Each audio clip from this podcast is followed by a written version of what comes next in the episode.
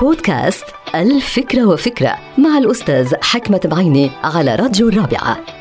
فكرة اليوم لها علاقة بقول جاء في كتاب الفكرة وفكرة والقول يتحدث عن شخصيتين. الأولى إنه في ناس كتير بيتمتعوا بالحكمة إلا في بيتهم والشخصية الثانية إنه في ناس تتمتع بالكرم إلا مع أفراد العائلة. طبعا هودي الشخصيتين موجودين في عالمنا ويجب حقيقه أن نحذر من تلك الشخصيتين. هناك أشخاص كتار وأعداد كبيرة جدا.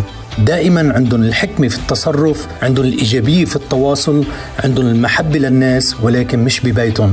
وأيضا هناك عدد كبير من الأشخاص اللي بيتمتعوا بالكرم الكرم المادي والكرم المعنوي إلا في بيتهم. والأهم في هذا الموضوع أنه يجب أن نكون حذرين من هاتين الشخصيتين لأنه في حقيقة الأمر الشخصية المحببة للإنسان هو أن تكون أنت حكيما في بيتك وكريما مع أفراد أسرتك. انتهت الفكرة هذه الحلقة مقتبسة من كتاب الفكرة وفكرة.